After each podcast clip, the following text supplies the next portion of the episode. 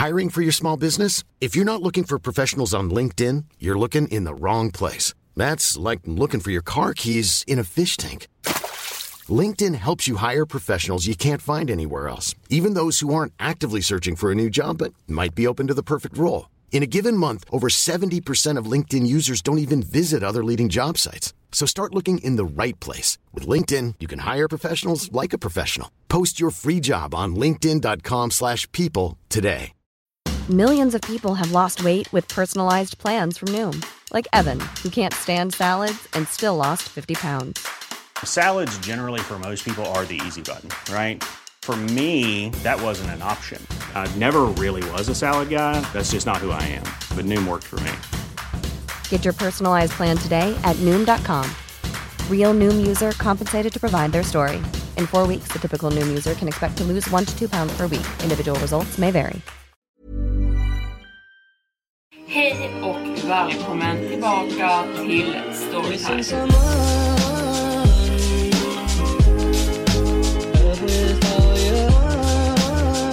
Hej och välkommen tillbaka till Storytime-podden med mig, Evelin Blomfelt. Idag är temat Halloween, för det är ju månaden före och den här historien är väldigt spännande och handlar om ett bus eller godis som går extremt, extremt fel.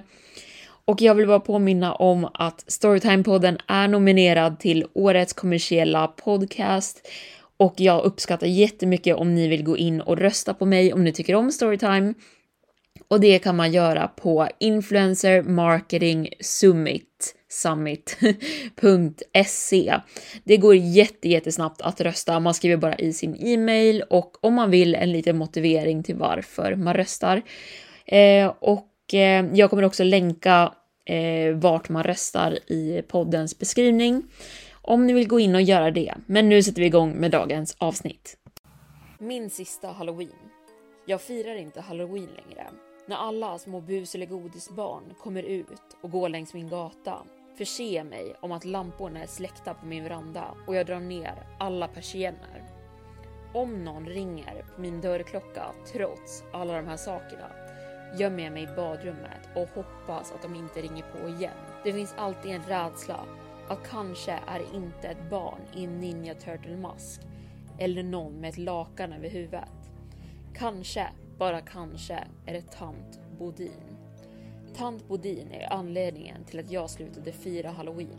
Agneta Bodin, känd till alla i vår stad som tant Bodin, var den snällaste, gulligaste gamla kvinnan som fanns. Hon bodde i ett grönt litet hus i utkanten av bostadsområdet som omgavs till större del av skog. Hon hade bott där så länge någon kunde minnas. Någon sa en gång åt mig att hon var över hundra år gammal och ingen i närheten sa emot. Så jag trodde absolut på dem. Lönngatan, gatan jag bodde på, råkade ligga i förbindning till samma skog där tant Bodin bodde på andra sidan. Det gick en liten stig runt skogen, hela vägen upp till hennes hus. Många eftermiddagar spenderades med att leka i skogen, klättra upp i träd, bygga kojor av pinnar och springa runt ända från Tampodins uppfart till slutet av Lönngatan där jag bodde. Lekandes att vargar jagade mig. Men jag kände mig alltid lite nervös runt tant Bodin. Det var kanske för att hon var framåthukad. Hon höll armarna framför sig som en Tyrannos rex. Eller så kanske det var hennes kritvita hår som stack ut åt alla håll och kanter. Eller kanske var det sättet jag kunde se hennes blodkärl under hennes tunna, nästan genomskinliga hud. Min mamma tog med mig till hennes hus när jag var sju år gammal. För att de båda skulle vara med på ett projekt på den lokala mässan som skulle hållas i vår stad. Jag kommer ihåg att hennes lilla gröna hus luktade som lavendel och örter och i alla rum fanns bilder på barn. Några av bilderna var svartvita och några hade tynat bort i färgen som att de var tagna för många år sedan. Är alla de här av dina barn? frågade jag tant Bodin. Hon log mot mig och såg sig om i rummet. Det här är alla mina älsklingar. Efteråt, när jag och mamma gick ner för stigen mot Lönngatan hand i hand berättade jag hur sjukt jag tyckte det var att en person kunde få så många barn. Mamma bara skrattade åt mig. Alla är inte hennes riktiga barn. Fru Bodin har inga egna barn, så hon har varit barnvakt åt stadens barn så länge jag kan minnas. Fem år senare fick jag äntligen lov att gå bus eller godis med min bästa vän Spencer på halloween. Spencer bodde på Rosgårdsavenyn som sammanlänkades med flera andra gator. Och det var det bästa stället i vår stad att gå bus eller godis. Mycket bättre än mina gator som var mer ödsliga och omgivna av skog. Tillsammans övertalade vi båda våra föräldrar att vi var gamla nog att få gå ut själva och att de bara skulle sakta ner oss om de följde med. Men vad jag inte visste då var att Spencer hade en egen plan. Min pappa lämnade av mig utanför Spencers hus iklädd en piratkostym med en ögonlapp, ett svart låtsasskägg och ett gosedjur som satt fast på min ena axel satt Spencer redan ute och väntade på mig. Han var utklädd som zombie eller något slags mordoffer. Jag frågade aldrig. Hans kläder var ju sönderslitna och täckta i fejkblod och han hade använt något slags vax för att skapa sår i sitt ansikte och på armarna. När min pappas bil körde ut från gatan fattade Spencer tag i min arm och drog mig till sidan av sitt garage. Lyssna, sa han. Du måste hjälpa mig med en grej. Jonas har utmanat mig att pranka gamla fru Bodin. Jonas var en kille i vår klass som Spencer hade beef med. De hade haft rivalitet mellan sig ända sedan gympalektionen när Spencer enkelt hade brottat ner Jonas. Och ända sedan dess har Jonas försökt att utmana Spencer och få honom att se svag ut för de andra barnen i vår klass och Spencer vägrade ignorera hans försök. Förmodligen för sin stolthet. Tant Bodin, jag gillade inte idén av att pranka någon, speciellt en gammal person. Spencer såg bekymran i mina ögon. Vi kommer inte göra något seriöst. Vad har du tänkt då? Det är enkelt, sa Spencer och log. Du distraherar henne med att stå och göra bus eller godis vid ytterdörren. Prata med henne så kommer jag gå in på baksidan. Inte en chans, väste jag. Jag tänker inte låta dig bryta dig in i hennes hus. Jag bryter mig inte in. Hon lämnar alltid bakdörren olåst. Det kändes konstigt att han visste det. Hur som helst, jag går in på baksidan, smyger upp övervåningen och sen ska jag vira in allt i toalettpapper i hennes sovrum.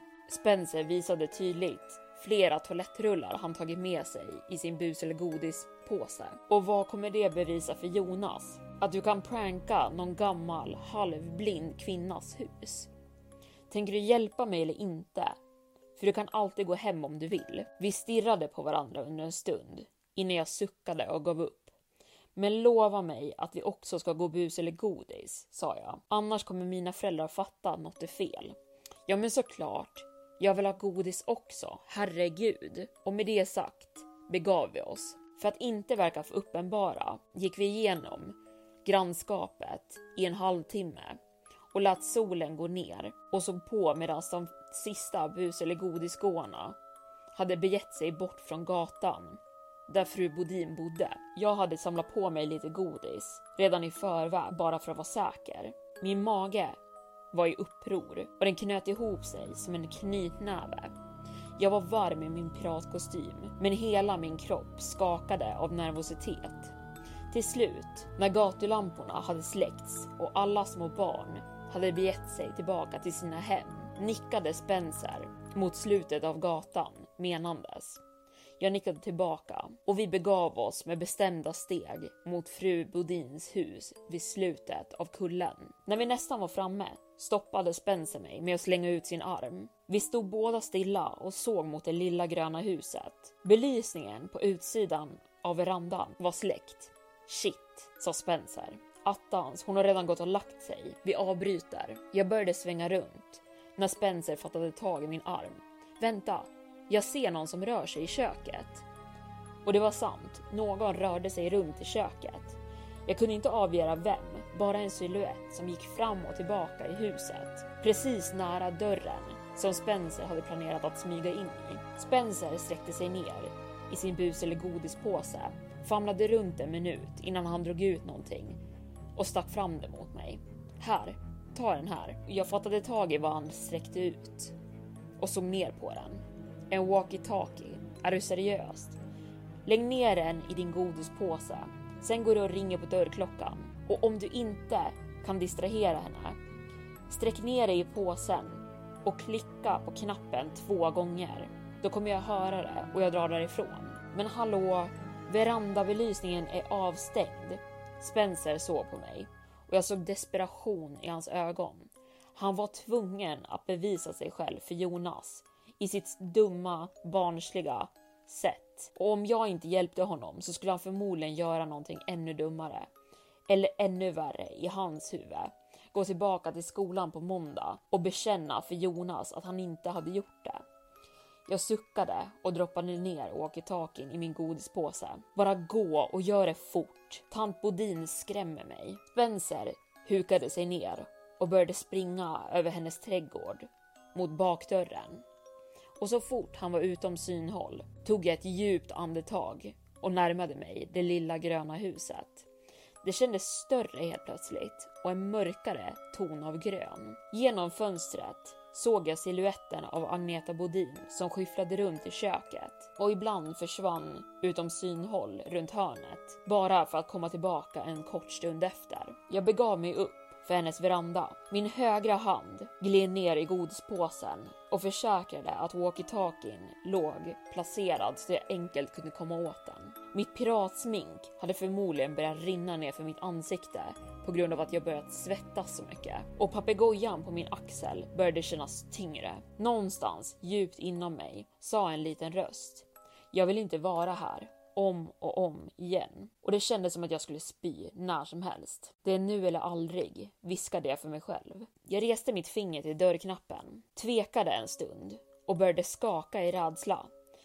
Sen pep walkie-talkien till en gång i min påse och mitt hjärta hoppade nästan ur min bröstkorg. Okej, okej, snäste jag, vetandes att det var Spencer som gav mig en signal. Jag ringde på. Ljudet av rasslande inne i huset stannade. Jag hade inte varit uppmärksam på allt bankande och dunkande som höll på inomhus. Men sen föll en tystnad över huset och jag blev väldigt medveten om ljuden som pågått medan jag närmade mig dörren. Ett släpande ljud följt av en till duns, sen en ännu högre duns. Borde jag ringa på igen, tänkte jag.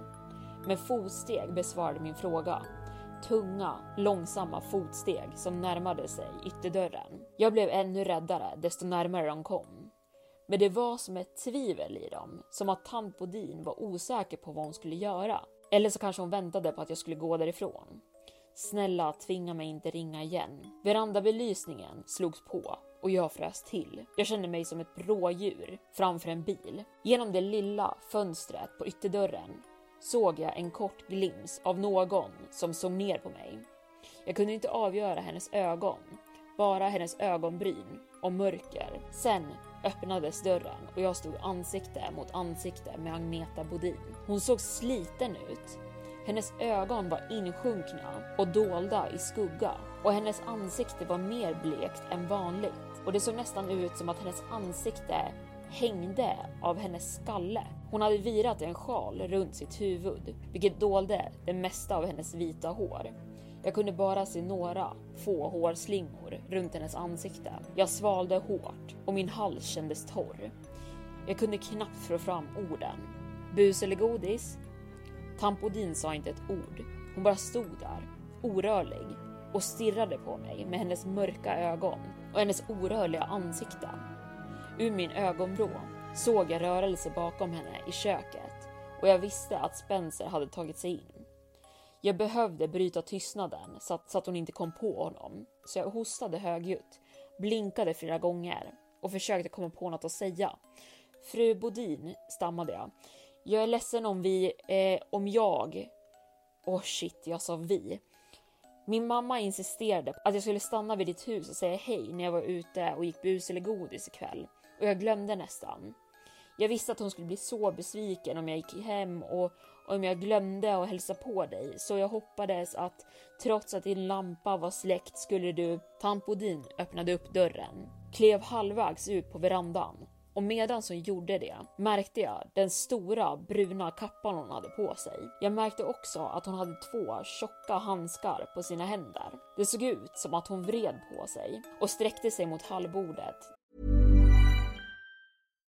If you're looking for plump lips that last, you need to know about Juvederm lip fillers. With Juvederm Volbella XC and Juvederm Ultra XC, your lip look, whether it's subtle or bold, can last up to one full year with optimal treatment and no additional maintenance. Find a licensed specialist and see if it's right for you at juvederm.com today. That's J U V E D E R M.com. Add fullness to lips in adults over 21 with Juvederm Volbella XC or Juvederm Ultra XC. Do not use if you have severe allergies or a history of severe allergic reactions, or if you're allergic to lidocaine or the proteins used in Juvederm. Tell your doctor if you have a history of scarring or taking medicines that decrease the body's immune response or that can prolong bleeding. Common side effects include injection site redness, swelling, pain, tenderness, firmness, lumps, bumps, bruising, discoloration, or itching. As with all fillers, there's a rare risk of unintentional injection into a blood vessel, which can cause vision abnormalities, blindness, stroke, temporary scabs, or scarring. For full important safety information, visit juvederm.com.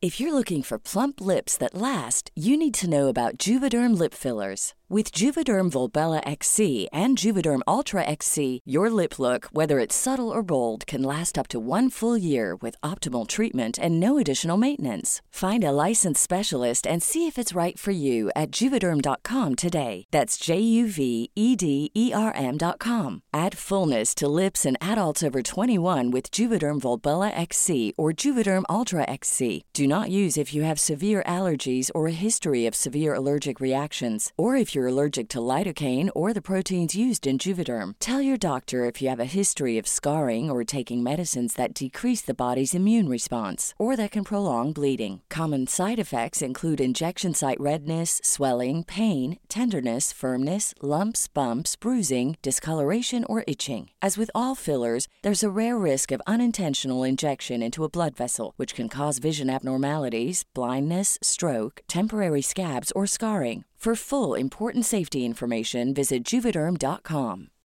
Millions of people have lost weight with personalized plans from Noom, like Evan, who can't stand salads and still lost 50 pounds. Salads, generally, for most people, are the easy button, right?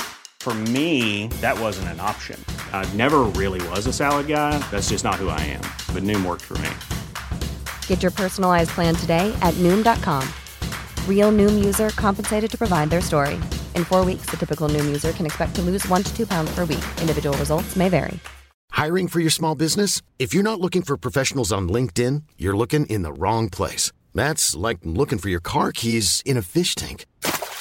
LinkedIn helps you hire professionals you can't find anywhere else, even those who aren't actively searching for a new job but might be open to the perfect role. In a given month, over 70% of LinkedIn users don't even visit other leading job sites. So start looking in the right place. With LinkedIn, you can hire professionals like a professional. Post your free job on linkedin.com slash people today. Jag antog att det fanns en skål med godis. Har, har du problem med värmen i ditt hus, fru Bodin? Jag kunde höra mig själv och det lät som jag skulle börja gråta. Varför talade hon inte? Med en av de enorma handskarna på hennes händer vinkade hon mig närmre. Hennes andetag lät ansträngda, som utmattade andetag i en snorkel. Men uttrycket på hennes ansikte ändrades aldrig. Ingen tecken på glädje eller uppspelthet som jag hade sett varje gång jag träffat på henne förr. Hon verkade som en helt annan kvinna och jag kände mig mer och mer obekväm för varje sekund. Jag klev närmare och höll ut min godispåse när en tung duns kom från insidan av huset, följt av flera tallrikar som åkte i marken. Tampodin och jag stelnade till. Och shit, tänkte jag. Tampodin vände sig om mot hållet där ljudet kommit ifrån.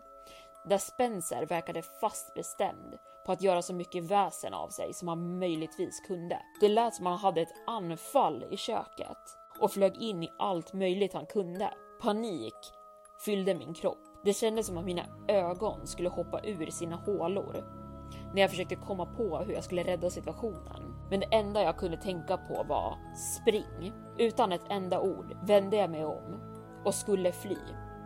Men innan jag hann göra det greppade tant Bodin hårt om min arm och för att vara över hundra år gammal, eller ja, var hennes grepp hårt som en skogshuggare. Hon klämde så hårt runt min arm att jag helt plötsligt blev som gelé och föll ner på knä. Min godispåse träffade marken och jag fattade tag i hennes hand och grät ut i smärta. Fru Bodin, det gör ont! Hennes andra hand, som hade varit dold, dök upp i synhåll och hon höll i en stor kartongkniv. Hon sträckte ut bladet på kniven och såg på mig med samma uttryckslösa ansikte och drog mig närmare sig. Hela händelsen var så overklig. Jag stod där på knä på hennes veranda medan hon drog mig in till sig och försökte förstå vad som hände. Varför höll hon i en kartongkniv? Vart var godiset? Vad var det som hände? Det var Spencer som räddade mig. Hans röst ekade medan han skrek från köket. Spring!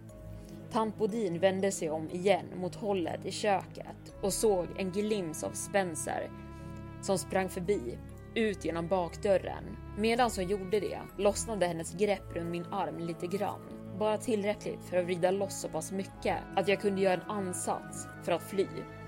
Men hon vände sig om och och tog tag i mig hårdare med sin fria hand medan hon höjde kartongkniven över sitt huvud. Till och med då, liggandes där på marken, seendes den snällaste gamla kvinnan i vår stad anfalla mig försökte jag rationalisera situationen. Det här var inte samma Tampodin jag kände. Jag såg upp på henne, grät i panik och försökte hitta orden för att lugna ner henne. Snälla, skrek jag. Det var bara ett skämt. Förlåt. Den vänstra hälften av Tampodins ansikte verkade börja glida ner. Hennes ögon såg konstiga ut. Den gutturala andningen började öka i takt och låta mer vildsint och arg. Hon högg till med bladet och instinktivt höjde jag mina händer för att skydda mig själv och skrek i smärta när jag kände bladet skära igenom tyget på min halloweenkostym och rakt i min arm. Men jag gav henne inte en andra chans. Mina ben, som hade varit kraftlösa, kände helt plötsligt ett sting av adrenalin börja pumpa igenom dem. Så jag drog dem under mig, hoppade till bakåt och rullade. Jag försökte få fotfäste, men det slutade med att jag rullade ner för trapporna istället. Med skärande smärta från min vänstra sida skrek jag till igen, men jag vägrade stanna upp. Jag var för driven av blind panik.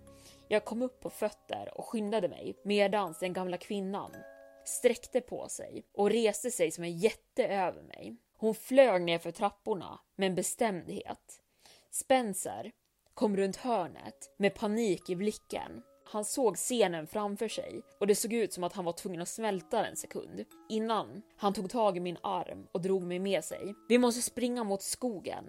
Och med det tog han fart ner mot slutet av uppfarten och mot skogsbrynet. Jag sprang efter honom. Både min arm och mitt huvud gjorde ont. Jag var yr och jag mådde illa och jag famlade på mina egna fötter och kolliderade rakt med sidan av Tampodins bil och jag pausade i en kort sekund och spydde rakt ut. Hur hade allt gått så fel? Innan jag hann samla mina tankar hörde jag de tunga fotstegen av stövlar bakom mig. Jag såg mig över axeln och såg hur tant Bodin närmade sig som ett monster. Ingen kommer tro på det här.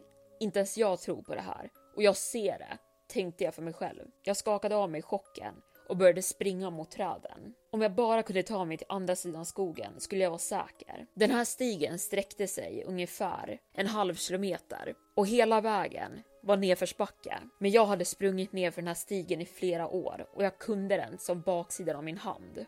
Jag visste vart jag skulle ducka för att inte slå i träden i mörkret. Ta dig bara hem, tänkte jag. Det var fullmåne ute och den lyste starkt igenom träden. Det var enkelt att se stigen för att månen gav ett läskigt blått sken överallt och allting runt om mig verkade lysa. Om jag inte hade sprungit för mitt liv hade jag kanske stannat och sett på den fina scenen. Allt adrenalin som gick igenom mig fick det att kännas som att tiden saktades ner. Jag tror jag aldrig har varit så medveten om min omgivning och mina känslor som jag var när jag sprang genom skogen den halloweenkvällen. Jag kunde höra allt runt om mig, mina andetag, skarpa men fokuserade, mitt hjärta som trummade i mina öron, grenarna som gick av framöver där Spencer sprang och de tunga dunsarna i marken bakom mig. Jag vände mig om. Jag gjorde det, fullt medveten om att man aldrig ska se sig bakåt och att dåliga saker händer de som gör det. Jag gjorde det, inte för att jag riktigt ville se vad det var, men för att jag visste. Tampodin var precis bakom mig, stormades ner för stigen som en flock elefanter. Hon var några meter bakom mig, men jag kunde se henne tydligt i månljuset. Men det mest skrämmande var hennes ansiktsuttryck. Det var inte av ilska eller bestämdhet. Det fanns inget ansiktsuttryck överhuvudtaget. Hennes ögon var helt döda. Hennes mun verkade hänga öppen och den vänstra halvan av hennes ansikte hade nu börjat glida ner ännu mer som smältande vax på ett ljus. Och sen tog vinden tag i hennes sjal och hennes ansikte med det. Det bara gled av henne som en halloweenmask och försvann någonstans längs stigen när hon sprang. Och det jag såg var mer skrämmande än allt hittills. Vart ansiktet hade varit var det nu bara blod. Bara blod överallt. Men jag kunde äntligen se hennes ögon genom det och de såg på mig med en hemsk ilska och galenskap jag aldrig sett tidigare i mitt liv. Jag trodde att jag höll på att bli galen. Hon började närma sig med sitt hatfyllda, blodiga ansikte. Hennes händer sträckte sig ut och försökte få tag i mig. Det kom en skarp sväng i stigen och jag saktade ner i en sekund bara för att svänga. Men Tampodin var inte lika familjär med den här stigen och hon var så inne i att försöka fånga mig. Hennes fingrar gled över min axel och allt hon fick tag i var min låtsaspapegoja. Hon slet av den samtidigt som hon sprang rakt ut i träden när stigen bröt av, kraschade ner i buskaget och nedförsbacken i stupet. Och sen bara tystnad. Hon kan få behålla papegojan, tänkte jag när jag skenade ut i skogen, ut på gatan min gata, sprang jag som hela helvetet var bakom mig. Framför mig såg jag Spencer som saktade ner och försökte att fånga andan. Någonstans längs vägen såg han ut att ha tappat sin bus eller godispåse och det mesta av hans smink hade runnit av. Stanna inte, skrek jag åt honom. Han vände sig om och såg mig komma springandes nerför gatan och skyndade sig fram till min ytterdörr och började banka. När jag kom fram slet jag upp dörren för jag visste att den var öppen. Vi båda slängde oss in i min hall och jag sparkade dörren stängd bakom oss och låste den så fort jag kom upp på fötter medan tårar rann ner för mitt ansikte. Jesus! skrek Spencer. Vi båda började skrika på varandra. Ingen av oss lyssnade på vad den andra sa och vi hörde inte min mamma och pappa som kom ner i hallen, chockade över vad som försiggick. De såg på oss, först irriterade, men när min mamma såg min tröja sönderriven och blodig blev hon vidögd. Vad i helvete har hänt? skrek hon åt oss. Jag grät. Min hjärna försökte gå igenom allt jag just bevittnat. Hennes ansikte. De tog hennes ansikte. Det gled av. Båda mina föräldrar såg både förvirrade och bekymrade ut. Jag såg att de förmodligen trodde att vi bara skrämt upp oss själva och sprungit därifrån. Spencer försökte också förklara, men jag vinkade åt honom att vara tyst och sen berättade jag allt.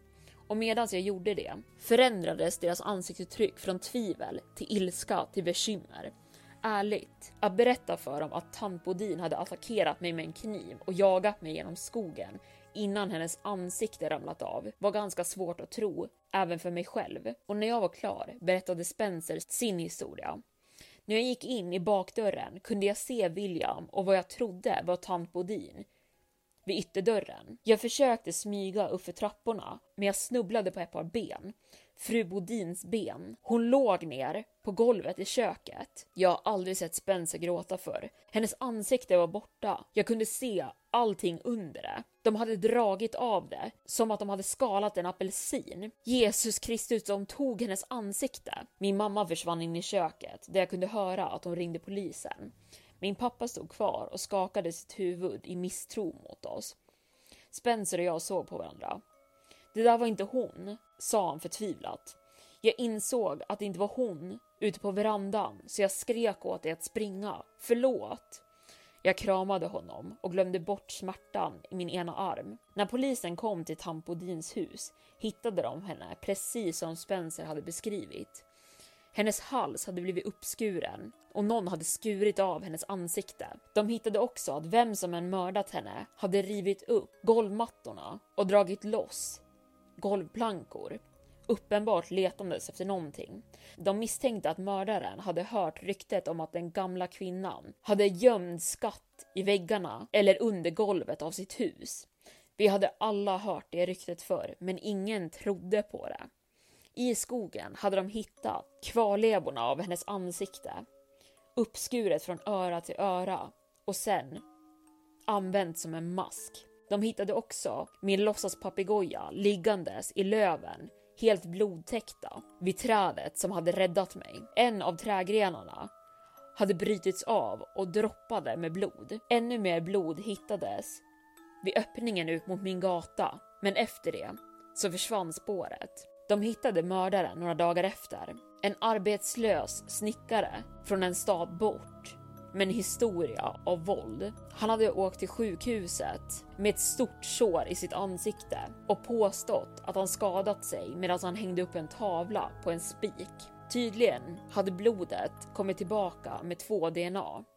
Ett identifierades som Agneta Bodins. Som tur var erkände han allting och räddade mig och Spencer från att gå åka in och identifiera honom. Ingen av oss skulle varit förmögen till det och ingen av oss ville se honom någonsin igen.